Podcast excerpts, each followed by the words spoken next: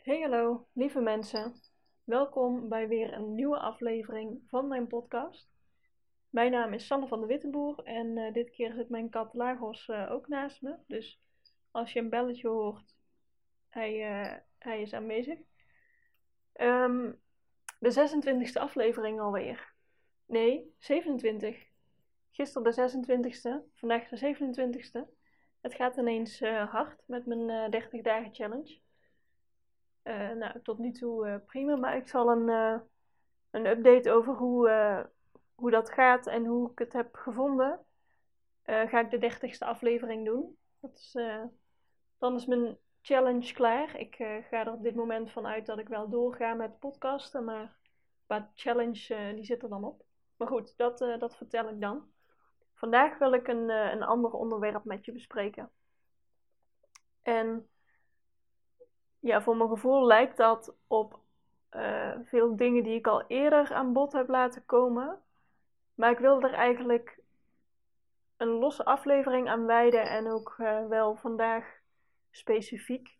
En dat is namelijk hoe ik soms vast kan zitten in een negatieve spiraal. En wat ik dan doe uh, om daaruit te komen. En ik hoop dat jij daar wat aan hebt. Dat ik door mijn verhaal te delen daarin, dat jij, uh, ja, dat het jou helpt. Daarom, uh, daarom deel ik dit. Vanochtend werd ik namelijk uh, wakker en ik begon met, um, met wat negatieve gedachten. Ik had niet zo, ik had spierpijn, ik weet ik veel, lag niet lekker, gewoon een beetje negatieve me dingen. Ik, ik voelde me niet zo heel erg fijn. En omdat ik dan allemaal negatieve gedachten heb, uh, wordt dat bij mij steeds erger. Dus uh, dan ga ik ook dingen, uh, aan dingen denken waar ik niet blij van word, die niet fijn lopen. Die, weet je, ik, ik kom dan ineens in een of andere negatieve spiraal. En daar krijg ik ook een negatief gevoel van. En dan ineens uh, ja, dat, gaat van kwaad tot erger, zeg maar. En op dit moment heb ik wel de tools om daaruit te komen. Ik moet daar nog steeds wel moeite voor doen. Um, maar ja, ik, ik denk dat meer mensen hier last van hebben. Ik heb er namelijk uh, ja, sowieso vroeger tot, ja, tot een paar jaar terug echt heel veel last van gehad. Dus het lijkt me wel een waardevol proces om met je te delen. Want wat mij nu helpt, is dat als ik me eenmaal er bewust van ben, dan kun je er ook wat aan doen. Als jij doorhebt van oké, ik zit in een negatieve spiraal, dan kun je kiezen. En wat ik ook belangrijk vind om te benadrukken, het is niet erg. Het is, um, ik wil voorkomen dat ik op een toxische manier uh, me dan maar positief moet gaan gedragen, omdat ik me niet negatief mag voelen. Dat is niet mijn bedoeling. Dat, daarmee druk je het harder weg en zou je het erger terug kunnen krijgen. Het is allemaal oké wat je voelt, alle negatieve gedachten, alle negatieve gevoelens zijn oké. maar ik vind het fijner als ik me prettiger voel. Dus wat ik doe als ik eenmaal door heb als ik in zo'n negatieve spiraal zit. Um, nou, meestal ga ik dan eerst uh, in mijn hoofd dingen analyseren van hoe kom ik hierin en waar, uh, waardoor komt het allemaal. Draagt niet echt uh, bij aan de oplossing.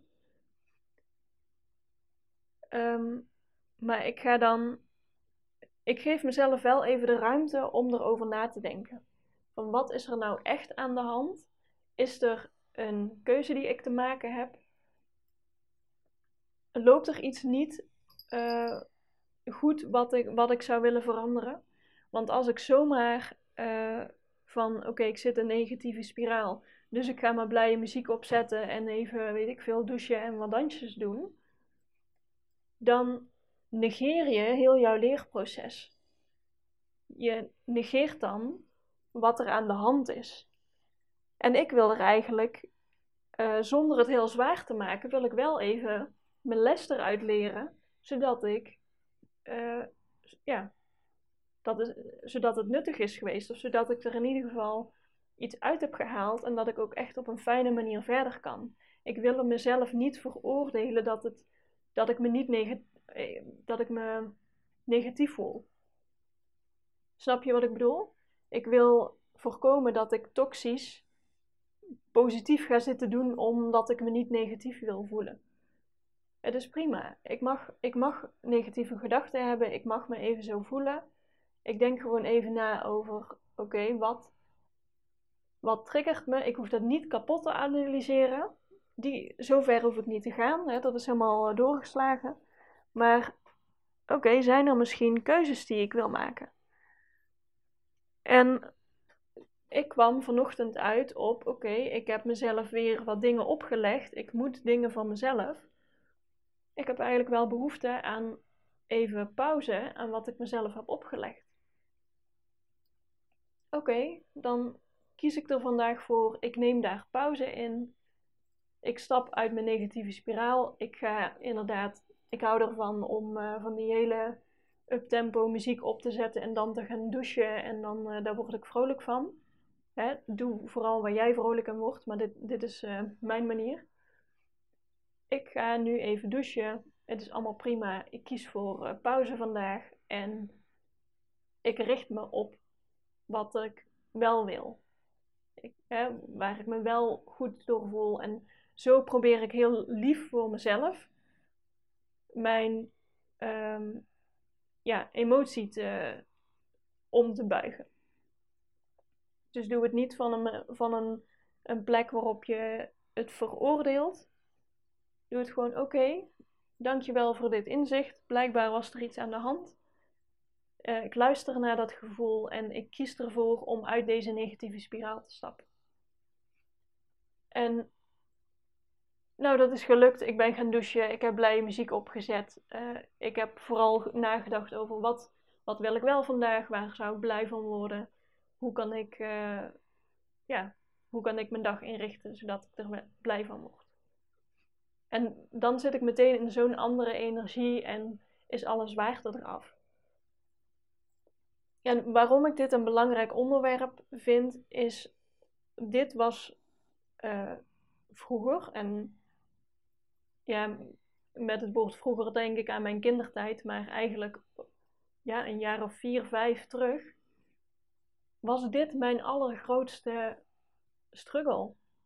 Ik zat echt heel vaak in zo'n negatieve spiraal en ik kon er met geen mogelijkheid zelf uitkomen. Ik had echt iemand anders nodig die me dan, ja, die dan bepaalde voor mij van oké Sanne, ga even wat anders doen. We gaan even iets leuks doen. Uh, ik, ik kon dat toen niet zelf. Ik had toen deze, ja, deze vaardigheden nog niet.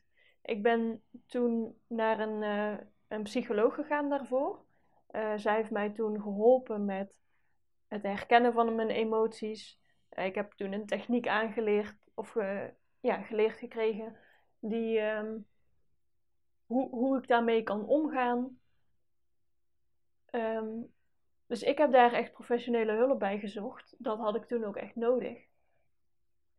En dat betekent niet dat ik dat nooit meer meemaak. Nou, wel echt, als ik het vroeger uh, elke dag, hè, vroeger, een paar terug, dagelijks of wekelijks meemaakte, heb ik dat nu misschien één keer in de paar maanden.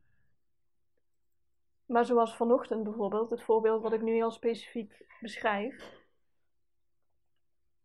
Um, ik heb nu de tools en de vaardigheden om hier zelfstandig uit te komen.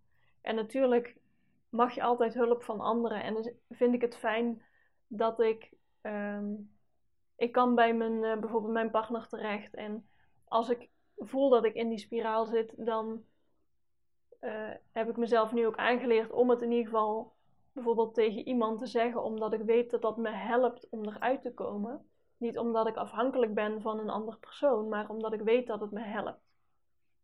Dus dat vind ik het allerfijnste. En ik hoop ook dat, dat jij, als je hier last van hebt, dat jij dat op die manier kan leren.